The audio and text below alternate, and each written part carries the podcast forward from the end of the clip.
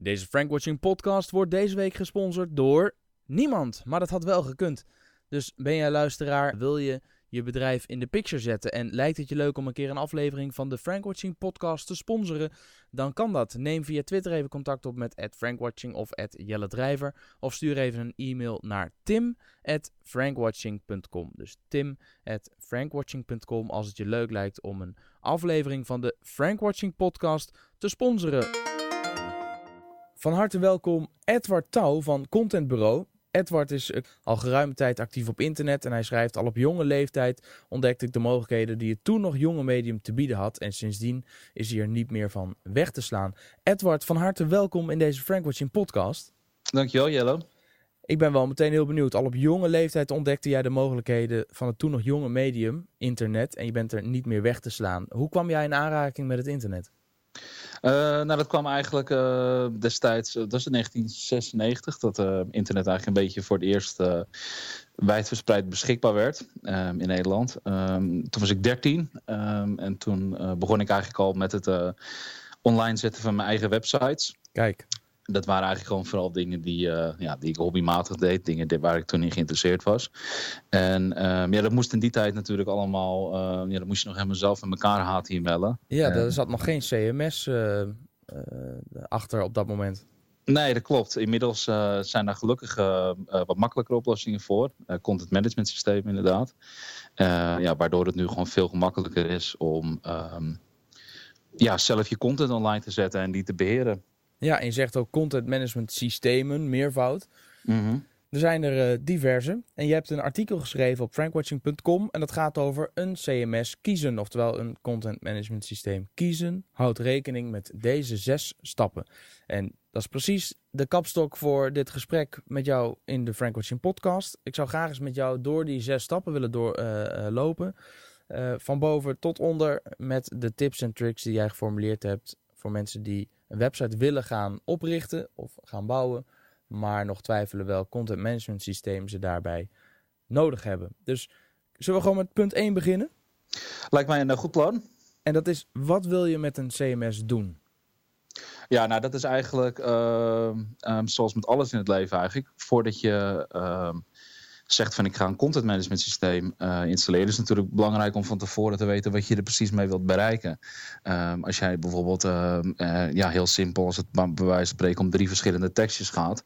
Um, dan moet een content management systeem bijvoorbeeld veel meer kunnen dan dat je content wil gaan integreren of content wil gaan personaliseren. Of dat je integraties wil gaan inzetten die bijvoorbeeld waar gegevens het formulieren worden opgeslagen in je CRM database. Ja, dus daarom is het, gewoon, ja, het is gewoon goed om dan van tevoren in ieder geval vast te stellen van nee, goed, ik wil dit en dit mee bereiken. Um, en dan aan de hand van die ja, eisen gaan kijken welke functionaliteit een CMS biedt, dat daarop aanslaat. Ja, en een van de punten die verder noemt is bijvoorbeeld responsive design. Uh, je mm -hmm. zou mhm. bijna denken dat dat in elk CMS gewoon al standaard is. Zeker nu Google op 21 april dit jaar heeft aangegeven dat ze meer waarde gaan hechten aan websites die hun uh, pagina's mobielvriendelijk aanbieden.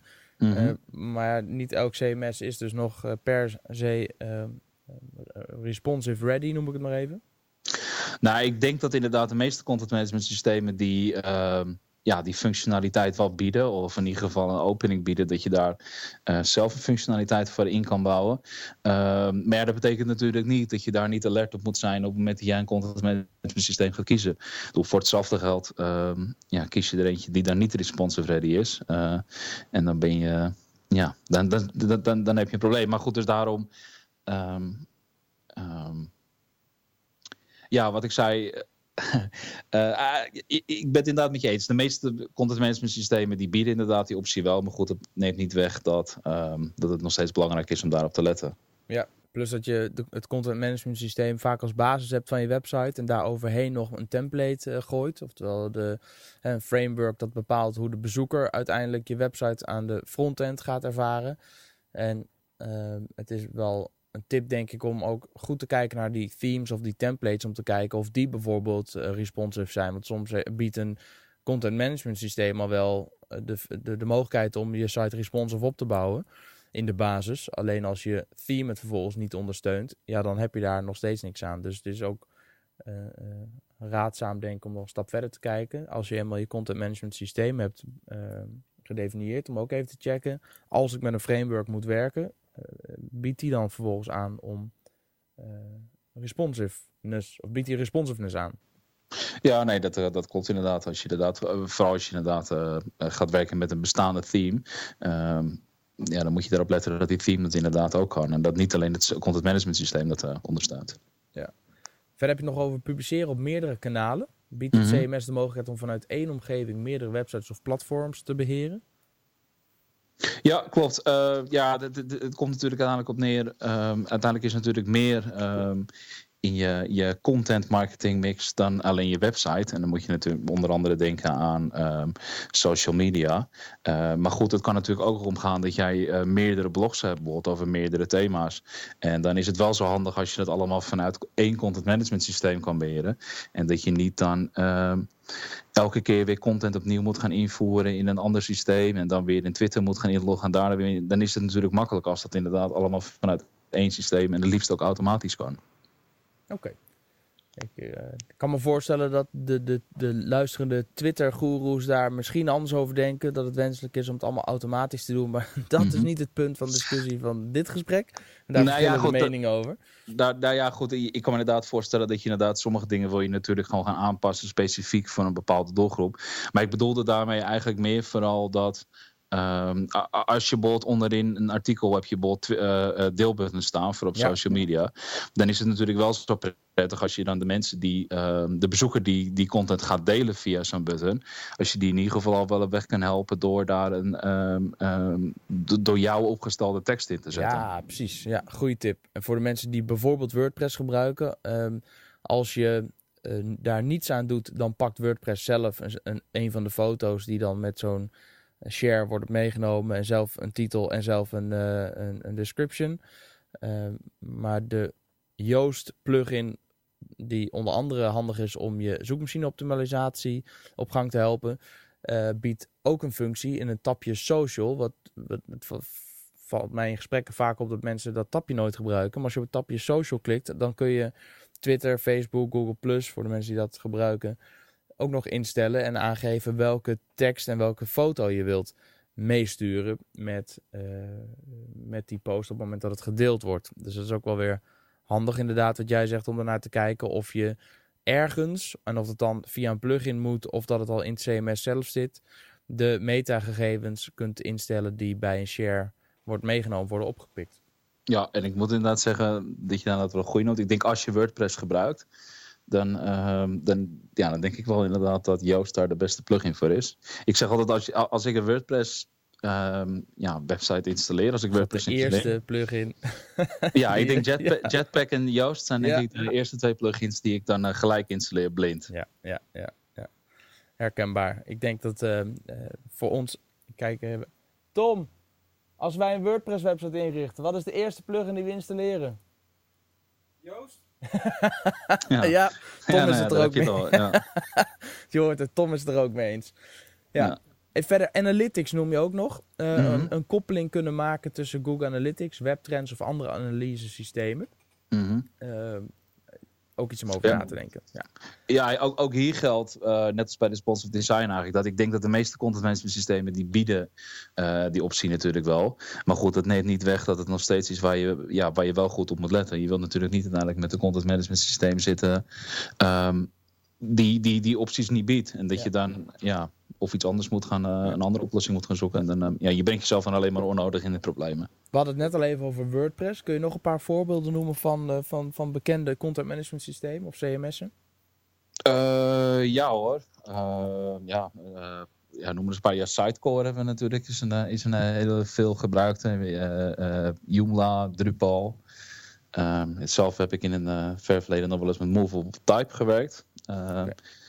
Ja, ja, maar ja Sitecore, nog maar een paar. dat zijn, uh, dat zijn veel gebruikte, veel gebruikte CMS'en. In een van de uh, comments kwam ook nog iemand naar voren, Jeroen. En Jeroen zegt, Gardner... Oh nee, dat is een andere. Sorry, ik ben even in de war. Evert Albert zei het. En op Twitter is dat Evert underscore. Een heel goed open source CMS dat op Nederlandse bodem is ontstaan... moet zeker genoemd worden bold.cm. Mm -hmm. heb je er wel eens mee gewerkt? Uh, ik uh, heb daar zelf nog nooit mee gewerkt met Bolt. Okay. Uh, ik uh, moet zeggen, ik, ik heb hem inderdaad wel voorbij zien komen. Ik, ken hem ben ook eigenlijk erg benieuwd naar wat, die, naar wat het allemaal te bieden heeft. maar ik heb er zelf nog nooit mee gewerkt, nee. Oké, nou beste luisteraar van deze Frank podcast. Heb je ervaring met het Bolt CMS? Laat het dan even weten op Twitter. En zorg dat je daar even Jelle Drijver of en of Frankwatching in mentioned. Dan zien we dat voor, vanzelf voorbij komen. Of als je dit op een ander platform luistert waar je de mogelijkheid hebt om te reageren. Doe dat dan vooral, want wij zijn benieuwd naar jouw ervaring met dit systeem. Dan ga ik weer terug naar het artikel en dan komen we op punt 2. Hoe gebruiksvriendelijk is een CMS? Kun je een paar punten noemen waar je op moet letten als het gaat om gebruiksvriendelijkheid? Nou, ik denk dat je daar heel erg rekening mee moet houden met eigenlijk uh, twee verschillende uh, doelgroepen bij een gebruiksvriendelijk. Kijk, aan één kant moet natuurlijk een CMS gebruiksvriendelijk zijn uh, in die zin dat um, ook mensen die, die niet elke dag werken met een content management systeem, maar um, wel content moeten invoeren in de website, dat die ermee kunnen werken. Um, dus dat het eigenlijk uh, ja, idiot-proof is, om het zo maar te zeggen. Ja. En aan, aan, de andere kant wil je natuurlijk ook rekening houden met um, mensen die wel enigszins kennis hebben, bijvoorbeeld van HTML en CSS. zelf loop ik bijvoorbeeld vaak tegen de uh, beperkingen aan van, van een WYSIWYG editor. Dat is dan ja. de editor waarmee je dan wel heel makkelijk zelf, uh, ja, eigenlijk zonder technische kennis, tekst kan invoeren en kan opmaken. Maar ik loop daar zelf bijvoorbeeld wel eens tegen uh, beperkingen binnen zo'n editor aan. En dan vind ik het zelf bijvoorbeeld wel weer heel erg prettig als um, er een optie is om in een HTML en CSS omgeving te werken. Ja, en niet alleen maar een WYSIWYG editor. En voor de mensen die denken, wat voor een editor? WYSIWYG, dat is een Engelstalige afkorting voor what you see is what you get. En daarmee kun je net als bijvoorbeeld in Word uh, of welk tekst edit systeem je ook maar gebruikt, direct zien wat je typt. Dus als je daarin iets bold maakt, uh, vet gedrukt, dan zie je het ook meteen als vet gedrukt. Terwijl je in een HTML-editor daar dan een code met een beetje, et cetera, aan moet toevoegen. Dus dat is even de what you see is what you get editor. Um, dus jij zegt het is super handig als die er is, die what you see is what you get editor. Alleen, daarnaast wil je ook een HTML-editor hebben. En waarom wil je die hebben bijvoorbeeld? Nou, uh, je merkt dat je vaak in een uh, WYSIWYG editor loop je vaak tegen beperkingen aan. Um, bijvoorbeeld, uh, ik, noem maar wat, als je bijvoorbeeld een tussenkopje in een tekst plaatst. Sommige WYSIWYG editors bieden dan alleen maar de optie om die dan te selecteren en die dan vet te maken. Um, ja.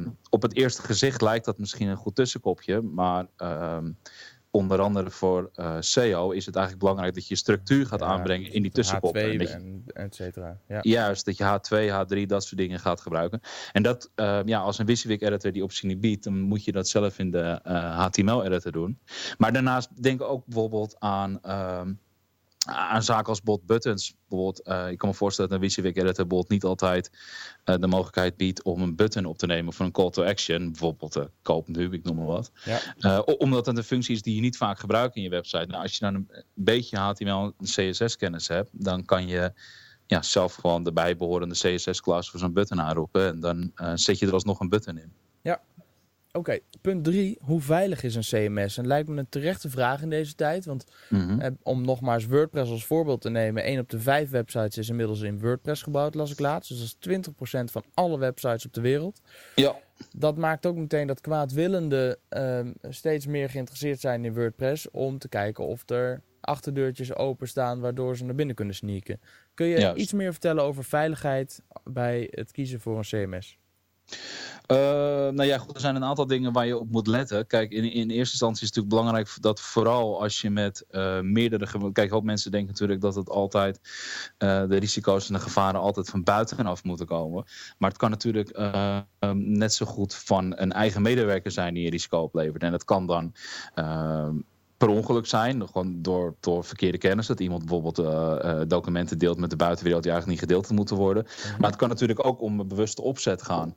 En um, daarom is het dus belangrijk dat je in ieder geval gebruikers, verschillende gebruikersrechten kan instellen in een CMS. Dus dat je eigenlijk zegt van um, iemand die misschien nog niet zo ervaren is met de CMS. En iemand die Um, ja, misschien wat minder communicatief vaardig is. Um, dat, dat, dat je die dus bepaalde uh, beperkte rechten geeft. Dat, dat bijvoorbeeld iemand anders, een redacteur, die post weer moet goedkeuren voordat die geplaatst wordt. Um, een ander voordeel daarvan is dat als iemand.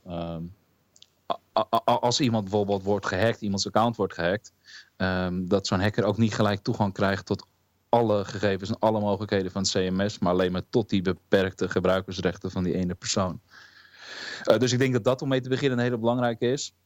En daarnaast is het ook uh, ja, goed als een CMS de optie biedt. Uh, kijk, als, als er alleen maar mensen zijn in jouw organisatie die gebruik maken van je CMS, is het natuurlijk helemaal niet nodig dat iemand vanaf ehm, eh, een device of een locatie die niet bij de organisatie hoort, eigenlijk gewoon überhaupt al bij het hele inlogscherm van CMS kan. Dus dan is het natuurlijk wel makkelijk als je de optie hebt om ja, die toeganglocatie of device gebonden af te schermen. Oké, helder. En de reputatie geef je ook aan. Wat voor reputatie heeft een CMS op het gebied van veiligheid? Uh, zijn er mm -hmm. online berichten? Kun je iets... Je noemde straks een paar, Sitecore, Joomla, Drupal, WordPress. Kun je iets ja. zeggen over de verschillen daartussen als het gaat over veiligheid? Uh, nou, niet zo specifiek over dat ik zeg, nou goed, uh, dus ik wil nog niet zo specifiek gaan dat ik zeg, nou dit CMS is per definitie altijd veiliger of heeft een betere reputatie dan die. Uh, waar ik wel altijd zelf op zou letten is, ehm, ja, ik zou zeggen, voordat je een CMS kiest en je hebt meerdere opties, Google gewoon op die, op die content management systemen en kijk ehm, ja, wat voor veiligheidsproblemen daar in het verleden mee zijn geweest. Maar goed, nog belangrijker ehm, wat het bedrijf of wat die leverancier uh, heeft gedaan om die problemen ook op te lossen. Als je, uh, ja, wij, hebben vooral heel veel ervaring met WordPress zelf, dus ik, ik zou willen dat ik iets inhoudelijks kon vertellen over Joomla of Sitecore of Drupal, maar ik heb daar ook, uh, ik heb daar nog niet mee gewerkt. Joomla in een ver verleden, en ik weet nog dat ik het, als je het hebt over gebruiksvriendelijkheid, een drama vond, en ik kon er echt, ik, ik, ik, vond helemaal niks. WordPress vind ik wel intuïtief en prettig te gebruiken. En WordPress is opgebouwd uit het CMS-systeem of een website in WordPress. Dan heb je een CMS-systeem, namelijk WordPress. Daaroverheen komt een framework of een theme, zoals het dan heet. En daar kunnen extra functionaliteiten op worden aangesloten in de vorm van plugins. Dus ik vergelijk het wel eens met een auto. WordPress is de motor, de carrosserie is het theme. En de navigatie en de airco en de leren bekleding zijn dan plugins. Maar bij die plugins, die zijn, uh, dat zijn ook vaak veiligheids... Uh, uh, problemen of in elk geval kleven daar gevaren aan. Kun je daar dan wat ja. meer over vertellen? Ja, uh, nou ja, goed, dat is natuurlijk bij WordPress. Zoals je eerder al aangaf, is dat natuurlijk een van de meest gebruikte content management systemen ter wereld. Of misschien wel het meest gebruikte content management systeem ter wereld, moet ik eigenlijk zeggen. Uh, ja, dat maakt het natuurlijk ook een, een, een dankbaar doelwit voor, voor hackers en, uh, en, uh, en andere kwaadwillenden. maar ja, dat, maar goed, dat betekent. En tegelijkertijd betekent het ook dat heel veel verschillende mensen plugins en integraties ontwikkelen voor dat CMS. Um, ja, waardoor daar inderdaad af en toe een onveilige tussen kan zitten. Um, al, al, is het maar omdat die gewoon niet goed gebouwd is. Maar daarom is het ook van belang um, uh, om voordat je een plugin installeert, altijd goed van tevoren te googlen op die plugin, de reviews te lezen, uh, te kijken welk bedrijf erachter zit en eigenlijk gewoon te bepalen hoe veilig en hoe goed is die plugin. Maar goed, daarnaast is het natuurlijk WordPress ook heel belangrijk. Omdat het zo'n dankbaar doelwit is. Um, dat, dat het wel heel belangrijk is dat je altijd al je updates. Um, elke keer dat een. Ja, precies. Altijd gelijk. Altijd werkt met de meest recente versie. Uh, en datzelfde. Ja, dat geldt dan zowel voor het CMS als voor de plugins waarmee je werkt. Ja. Ja, Henry Koppen uh, op Twitter, Henry Kop, die reageert ook onder jouw artikel en die geeft aan veel CMS'en zijn opgebouwd in PHP, op zich geen slechte taal. Maar doordat er heel veel mensen een mondje kunnen PHP, is er gewoon heel veel rommel gemaakt wat impact heeft op de onderhoudbaarheid en veiligheid. En ik denk dat dat ook wel klopt. Er zijn superveel uh, ja, mensen die op een zolderkamer uh, wat in elkaar klutsen of knutselen, klussen, zo klutselen, klutselen. en vervolgens dat publiceren op internet, beschikbaar stellen aan de grote massa. Uh, en ik zeg dan altijd na een half jaar een baan aangeboden krijgen en nooit meer omkijken naar die plugin. En als je dan een jaar verder bent of twee jaar verder bent en WordPress is alweer een paar versies verder en je installeert die plugin, het kan best zijn dat er daar dan een, een veiligheidsrisico in zit wat niet wordt geüpdate. Dus kijk sowieso, wat jij ook zegt, altijd even wanneer is de plugin voor het laatst geüpdate? Is die volgens WordPress compatible met de laatste versie van WordPress? Hoe vaak is hij al gedownload en zijn er ratings van beschikbaar? En zo ja, krijgt hij dan op een schaal van 5 1 ster of 5 sterren of 4,5 ster? En wat vinden mensen ervan? Uh, en als er een changelog bij staat, wat vaak wel het geval is, kijk dan ook even wat voor dingen zijn er recentelijk aangepast en uh, hoe vaak worden er updates doorgevoerd. En dan krijg je al vrij snel een beeld of iets wel of niet goed onderhouden wordt. En daarnaast zijn er ook heel veel partijen, je noemde het ook al even, die gewoon, hè, welk bedrijf zit erachter, zei je. Er zijn heel veel bedrijven die ook gewoon niets anders doen. Dat is gewoon hun businessmodel, is plugins bouwen. Zoals bijvoorbeeld Gravity Forms is een plugin die wij gebruiken voor contactformulieren. Daar zit gewoon een, een compleet bedrijf achter.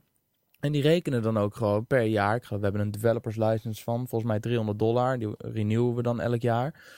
En daarvan weten we gewoon zeker dat er continu focus is op het functioneren en het blijven functioneren. En het goed beschermen van die plugin. Dus er zijn echt wel heel veel hele goede plugins. En niet alles is per se rommel. Maar zeker iets om goed over na te denken. Uh, Daar steken nog, ik denk dat dat eigenlijk het grootste gedeelte van de plugins Um, dat, dat het daar niet per definitie inderdaad om rommel gaat. Maar ja, je moet altijd wel oppassen voor um, de, de, plugins inderdaad die het wel zijn. Ja, of die dat worden. Want wat jij zelf al zei, op het moment dat een plugin... Een plugin kan nu natuurlijk heel goed functioneren. Maar ja, op het moment dat hij niet meer wordt onderhouden...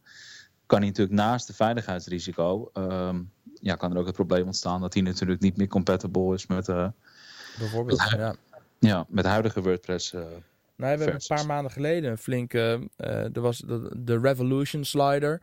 Dat was een slider die op heel veel WordPress sites werd gebruikt. Er uh, zat ook gewoon een partij achter die dat uh, aanbood en onderhoudt. Die slider was ook in heel veel themes gewoon al standaard verwerkt. Dus als je een theme kocht, dan zat die Revolution slider erin. En daar bleek een veiligheidslek in te zitten. Ehm, en toen kwam de Revolution slider wel heel snel met een, met een update. Alleen ja, als mensen dan dat niet updaten, toen waren er, en dat gebeurde, toen waren er ineens heel veel websites die echt de achterdeur wagenwijd open hadden staan, waar hackers heel dankbaar gebruik van hebben gemaakt. Ja, dat is dus als er een update voor een plugin beschikbaar komt, alsjeblieft update hem dan ook zo snel mogelijk, want die dingen komen niet voor niets uit. Um, en als je er zelf geen tijd voor hebt of geen focus, desnoods huur er iemand voor in die het voor je onderhoudt. Maar volgens mij is WordPress, en dat zal ook voor de andere CMS'en eh, gelden, een prima systeem. Maar je moet het wel onderhouden. Het is niet een uh, één keer installeren en nooit meer erom kijken verhaal. Nou ja, dat geldt inderdaad voor alle websites. Of, sorry, voor alle content management systemen. Ik denk inderdaad al, maar goed, om, ja, waar we het net al over hadden, omdat WordPress zo veel gebruikt wordt, is het natuurlijk een dankbaar doelwit. Hmm. Maar uh, het geldt net zo goed voor alle content management systemen. Je moet het goed onderhouden. Punt 4. Hoe een zoekmachine vriendelijk is een CMS? Ja, uh, nou goed, een aantal dingen die ik daarin uh, noemde. Uh, het net al eventjes over de HTML en CSS. Dus inderdaad, op het moment dat een WYSIWYG editor. eigenlijk het liefst wil je natuurlijk gewoon dat de WYSIWYG editor je al de mogelijkheid geeft om bepaalde structuur in je pagina op te bouwen. Zoals waar we het net over hadden, over H2-koppen en andere subkoppen. Ehm, maar daarnaast is het natuurlijk ook ehm, belangrijk dat je uh, andere zaken kan, zoals uh, alt- en title-attributen toevoegen aan uh, afbeeldingen. Um, en ja, let ook vooral op de, de URL's, op de webadressen die een CMS genereert. Ja. Zijn dat ja, goed leesbare webadressen met belangrijke keywords erin? Of krijg je een, een URL met, met 20 opeenvolgende nummers met, met, met een of andere wazige extensie erachter? Ja, ja. Iets wat heel veel WordPress-gebruikers uh, nog niet altijd aanpassen. Volgens mij is de, de standaard inmiddels bij WordPress iets veranderd. Uh, maar de permalink. Ehm, voorheen was het zo op het moment dat je een pagina aanmaakte, dan kreeg je inderdaad P is 312. En dat was dan pagina 312. In plaats van een, een zin met informatie waar die pagina over gaat. Het liefst ook ja. nog eens een keer met je zoekwoord erin waar je op gevonden zou willen worden. Uh, nou, ik weet, je kan het inderdaad tegenwoordig van aanpassen. Maar nou weet ik eerlijk gezegd niet of dat nou standaard in WordPress zit. Of dat het via de Yoast plugin kan. Het kan via, en, Zo, dat... Ja, beide volgens mij. Je ja, kan het sowieso in, de... WordPress aanpassen. En, en ja. als je Yoast installeert, volgens mij neemt hij dat dan automatisch mee dat hij ook de, de URL al op de juiste manier opbouwt. Ja. Ja, dat is de reden dat ik eigenlijk niet weet, ja, dat ik niet weet welke twee functionaliteiten Omdat is. Omdat je hem standaard gelijk installeert. Ja. Oké. Okay. Is er support beschikbaar? Punt 5. Ja, uh, nou goed, heel belangrijk natuurlijk. Uh, met het opzetten, het installeren natuurlijk zelf. Um, ja, of je nou technische kennis hebt of niet. Het kan natuurlijk altijd gebeuren dat je ergens tegenaan loopt. Dat je er zelf niet uitkomt. ehm, dan is het wel zo prettig ehm, als er iemand is die jou kan helpen. Of dat nou, zoals bij WordPress bijvoorbeeld, kan je natuurlijk niet rechtstreeks aankloppen bij de leverancier om, om support te vragen. Maar goed, die, er zijn natuurlijk wel genoeg bureaus dan weer die zich specialiseren in WordPress om daar support voor aan te bieden. Uh, en bij de meeste betaalde content management systemen. Ehm, waar je een licentie voor moet afnemen. Dus uh, moet je er wel vanuit gaan dat je daar, uh, tenminste, daar, daar, dat moet je natuurlijk wel. Je mag er niet vanuit gaan, maar goed. Uh, ik bedoel meer te zeggen, dan, dan moet je wel voor een partij kiezen die jou gewoon rechtstreeks support levert. Of jou of via een partner natuurlijk. Maar ja. Um, dan moet je wel beperk je wel tot die ene partij. Uh, dus als je een website laat bouwen in een custom CMS en je betaalt daar gewoon een licentie voor. Maar er is iets mee, dan kun je ook alleen bij die ene partij terecht, waardoor je ook eigenlijk ja, verplicht bent om de tarieven te betalen die zij rekenen. Dus je bent daarmee wel heel erg gebonden. En als je ooit weg wilt van die partij, dan kun je ja, 9 van de 10 keer je website niet meenemen, omdat die alleen maar draait op dat CMS. En zodra je die licentie stopt, uh, ja, doet je website het niet meer. Daar ben ik zelf jaren geleden wel eens een keer de mis mee ingegaan. Uh, en het voordeel van open source systemen is dat het door zoveel mensen gebruikt wordt wereldwijd. Want als je ergens tegenaan loopt en je kijkt bijvoorbeeld op YouTube, als je er de tijd voor hebt en zin om dat zelf uit te zoeken, dan is er altijd wel een Nederlander of een Amerikaan of een Koreaan of een Chinees of een Rus die eh, de moeite heeft genomen om een filmpje te nemen. Precies nou net voor het probleem waar jij tegenaan loopt. En vertelt hoe je dat dan het beste kunt oplossen.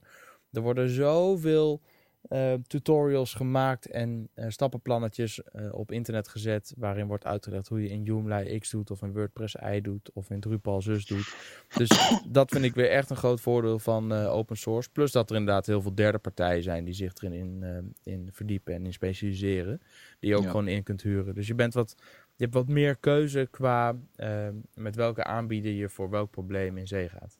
Ja, klopt. Daar moet ik er alleen wel bij aantekenen dat natuurlijk uh, daar, dat je daar natuurlijk altijd wel goed moet uitkijken bij wie je je support kiest. Um, want ja, we hadden het net al over dat inderdaad zoveel mensen het gebruiken. Maar er zitten dan wellicht ook mensen tussen die eigenlijk niet precies weten waar ze het over hebben. Ja. En dan uh, een oplossing gaan aanbieden die bijvoorbeeld een risico uh, loopt. En dat probleem heb je natuurlijk uh, dan weer niet als je bij een, uh, nou goed, ik noem een, een, grote partij als ik noem aan een sidecore bijvoorbeeld zit, waar je dan echt support vanuit het bedrijf zelf krijgt, waarmee je er altijd wel van op aan kan dat het dan uh, gaat om mensen die weten waar ze het over hebben. Ja, nou ja, dat is dan dat is de afweging. En ik kan me ook voorstellen ja. dat bij punt 1, wat wil je met je CMS doen, dat je mm -hmm. op basis van de daar geformuleerde doelstellingen je een keuze maakt tussen um, een open source of een bepaald betaald systeem. Ja. Want dat is meteen punt 6, gratis of betaald. Ja, nou ja, daar kwam ik inderdaad op terug. Nou ja, goed, uh, we, we, ja, eigenlijk uh, hebben we dat eigenlijk net al een beetje besproken. Maar uh, je hebt inderdaad heel veel, uh, zowel gratis of betaalde content management systemen. En uh, nou ja, zoals ik net al zei, mag je bij een betaald content management systeem natuurlijk er wel op rekenen dat je daar iets meer support van de leverancier zelf krijgt dan bij een gratis systeem. Maar goed, dat neemt niet weg dat een gratis systeem, dat je daar per definitie geen support voor kan krijgen. Dat is al nou, de voorbeelden die je net gaf. Er zijn genoeg bureaus of, of zelfs online tutorials te vinden over hoe je uh, bepaalde problemen kan oplossen. En tegelijkertijd uh, is het ook zo dat hoewel een betaald systeem uh, uh, soms misschien meer functionaliteiten biedt, er bijvoorbeeld inderdaad bij een WordPress dan weer heel veel integraties beschikbaar zijn om dat probleem op te lossen. Dus ik denk dat je bij de keuze voor gratis of betaald Um, dat je daarbij niet moet denken dat de gratis versie, dat je niet per definitie moet uitgaan van goedkoop is duurkoop. Um, dus dat de gratis versie wel degelijk um, alle functionaliteiten kan bieden die een uh, betaalde versie uh, biedt. Um, dus de, eigenlijk de enige afweging, afweging die je zou. Ja, het enige dat zou moeten meespelen in je afweging uh, voor gratis of betaald is, is budget. Okay. Ook daar moet je natuurlijk weer erop letten dat een gratis content management systeem niet per se goedkoper is. Omdat ehm, als je bijvoorbeeld integraties gaat laten ontwikkelen. Um, of dat je inderdaad support in gaat uh, huren via een derde. Um, dat die kosten daarvan misschien natuurlijk hoger kunnen liggen dan dat je een betaalde licentie afneemt um, bij een andere leverancier. Precies. En weet je, WordPress is bijvoorbeeld gratis, net als Joomla. Alleen Dat moet dan geïnstalleerd worden. Dan zul je je moeten verdiepen hoe dat werkt. Je zult er een Mhm. template op moeten installeren, plugins op installeren, je site moeten inrichten. Je zal je moeten verdiepen in zoekmachine-optimalisatie. En als je eh, werkloos bent en echt helemaal niks te doen hebt en er is eigenlijk geen alternatief, ja, dan is dat een hele goede optie. Maar aan de andere kant, voor de meeste mensen zal dat ook gewoon eh, indirect of direct geld kosten op het moment dat jij erin gaat verdiepen. Dus Juist. Ehm, ook de tijd die je steekt in het leren werken met een gratis content management systeem, heeft natuurlijk wel ook een prijskaartje.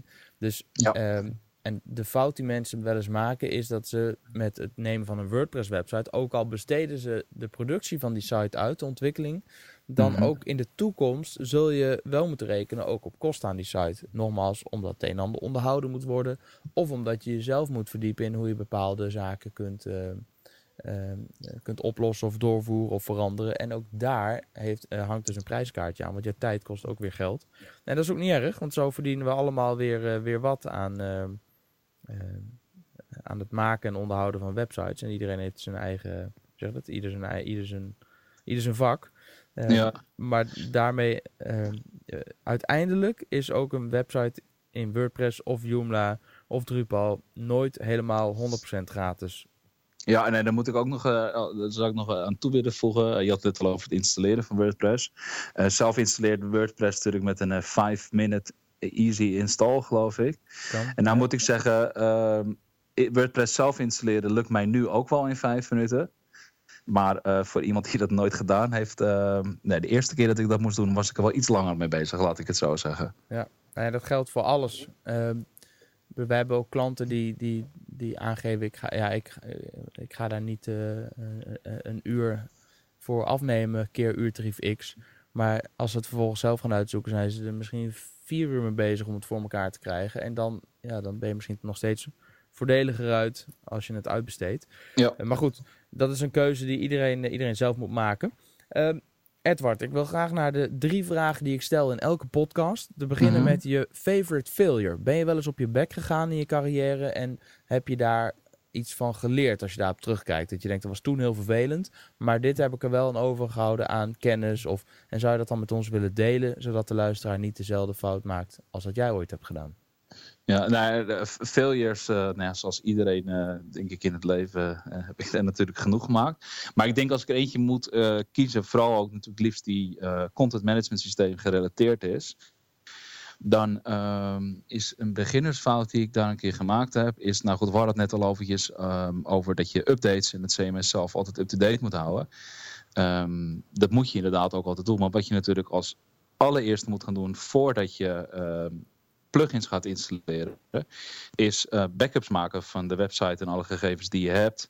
Ehm, want voor hetzelfde geld ehm, ga je een plugin updaten en ehm, correspondeert dat niet helemaal lekker met een andere plugin of met je CMS. En eh, ja, ligt ineens je hele website op, je, op zeg maar. Dat heb ik dus één keer gehad. En toen kon ik ook niet meer in het content management systeem, want dat werkte niet meer. Ehm, dat heb ik toen gelukkig nog wel kunnen oplossen door gewoon op de FTP-server zelf die eh, plugin te verwijderen. Maar ehm, ik moest wel zeggen dat eh, het angstzweet brak me toen wel eventjes uit. Dat ik dacht, oeh, hier heb ik toch eh wijze les van geleerd. Niet denken, ah joh, dat komt wel goed. Update die plugin even, maar altijd van tevoren updates draaien. Safety first. Juist. Wat is je favoriete businessboek, managementboek, marketingboek? Geef het een naam. Wat, wat, welk boek zou je de luisteraar willen aanbevelen om eens te lezen? Eh, nou ja, er zijn er natuurlijk heel veel. Eh, ehm, om daar nou één favoriete uit te kiezen, dat vind ik een beetje lastig. Wat ik wel zou zeggen, als je eh, veel met content werkt. Ehm, eh, wat natuurlijk, eh, ja, waar de kans natuurlijk dik in zit als je geïnteresseerd bent in content management systemen. Als je de podcast Ehm. tot op dit punt hebt beluisterd, dan is de kans aanwezig. ja, juist, dat je, dat je in content werkt. Eh, en, en dan eh, zou ik zeggen, ja, een recent boek dat ik gelezen heb, wat ik heel erg interessant vond erover, is een, eh, het heet Een Sprinter is een stoptrein zonder wc. Het is geschreven door Ronnie Bogaert. En in dat boek ehm, legt hij eigenlijk, eh, gaat hij eigenlijk in op de sturende kracht van taal. eh, of framing, zoals dat wel eens wordt genoemd. Ehm, en daarbij, eh, goed, de titel zelf bijvoorbeeld is al een voorbeeld van framing. Een sprinter is een stoptrein zonder wc. Ehm, daarin legt hij uit dat ehm, de NS bijvoorbeeld eigenlijk gewoon een wc uit de stoptrein heeft gesloopt en dat een sprinter is gaan noemen. En een sprinter is natuurlijk. Uh, de sprinter legt nadruk op de beweging van de trein. Dus hij sprint, dus hij gaat snel van punt A naar B. Terwijl een stoptrein, bij het woord stoptrein, leg je de nadruk op de stops die hij maakt. Waardoor iemand het gevoel krijgt van het is heel traag. En uh, met titel van zijn boek zelf draait hij het eigenlijk weer om. Door te zeggen een sprinter is een stoptrein zonder wc. Um, uh, ja, want dan krijgt iedereen natuurlijk weer het idee van... oh, dat is dus een sprinter. Dat, dat ja. stelt niet zoveel voor. Um, ja, ja, wat ik daar dus maar mee wil zeggen... dat is een heel interessant boek. Uh, ja, er staan een hoop dingen in die misschien... Uh, heel erg vanzelfsprekend lijken. Maar uh, vooral als je dagelijks met uh, schrijven van teksten bezig bent. Maar er staan een hoop interessante dingen in. ja, om gewoon nog een keertje op gewezen te worden. Meer een ja. keer aan de herinnerd te worden. Ja, ik ben uh, in elk geval getriggerd. En uh, met name door een aantal zinnen in de samenvatting die ik lees. Bij communicatie gaat het niet om wat iemand letterlijk zegt, maar om wat hij eigenlijk bedoelt. Taal is nooit neutraal. Je kunt ja. de werkelijkheid op verschillende manieren presenteren en daarmee de gedachten van je gesprekspartner in een bepaalde richting sturen. Vroeger had een trein bijvoorbeeld vijf minuten vertraging. Tegenwoordig vertrekt hij over vijf minuten. Wat is het verschil? Ja. Nou, alleen al met die woorden denk ik, ja, die wil ik een keer lezen. Dus... Nou ja, ik zag inderdaad zelf bijvoorbeeld, uh, las ik, dat stond daar niet in het boek, maar dat gaat wel over hetzelfde onderwerp. Um, dat bijvoorbeeld uh, de Republikeinen en de Democraten in Amerika, als ze het over klimaatverandering hebben, um, de een heeft het dan over uh, climate change, en de ander heeft het geloof ik over climate warming of over global warming. Okay. En dat is puur en alleen omdat mensen, uit onderzoek is gebleven dat mensen niet, dat er meer mensen zijn die geloven in climate change dan in climate warming of global warming, wat natuurlijk hetzelfde betekent. Uh, dus dan gebruiken tegenstanders zeg maar, van maatregelen om dat tegen te gaan. Uh, die gebruiken dan natuurlijk weer um, het woord global warming om mensen aan hun kant te krijgen. Terwijl de mensen, de democraten gebruiken climate change om uh, ja, mensen weer aan hun kant te krijgen. Ja, mooi. Oké, okay, interessant wat je met taal kunt doen. De derde vraag, wat is je favoriete quote? En dan bedoel ik zo'n quote die op kantoor op een tegeltje aan de muur zou kunnen hangen waar je inspiratie uit haalt. Heb je er een voor ons? Uh, nee, uh, dat zal ik je ook uitleggen. Ik vind het namelijk echt. Uh, je, je, ziet het inderdaad wel. Op LinkedIn zie je het ook veel voorbij komen. Mensen die, die, die quotes posten. Uh, ja, ik vind het eigenlijk, om heel eerlijk te zijn, vind ik dat echt verschrikkelijk. Oké, okay, dat kan. Ik ben er dol op. ja, nee, als ik, als, ik een quote erin zou, als ik een quote erin zou mogen gooien, dan zou ik iets zeggen. Hou eens op met die quotes, zou je zeggen. Ja, quotes zijn verschrikkelijk. Stelletje quotezakken. Ja. Hey, um, Oké, nou dan hebben we geen quote. We, we, hebben wel een boek, namelijk Een sprinter is een stoptrein zonder wc en een favorite failure over het updaten van een plugin zonder eerst een backup te maken. Uh, als je dit boek van, uh, dus deze tip van Edward Touw wil teruglezen en alle andere boeken die genoemd zijn in deze Frank Watching podcast, kijk dan even op jellendrijver.nl slash boekenlijst. Daar staan ze allemaal op een rijtje en daar staan ook nog een aantal andere favorieten van mij tussen. Dus jellendrijver.nl slash boekenlijst. Edward, mag ik jou A, heel erg danken voor je tijd.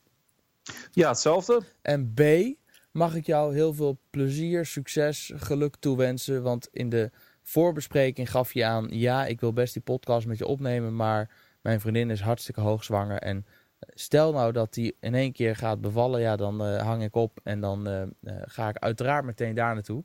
Dus mag ik jou als mede aanstaande vader, alleen bij ons is het nog wat verder weg in december, heel veel plezier en heel veel geluk toewensen. En danken voor je tijd dat je dit gesprek ja, met mij wilde hetzelfde.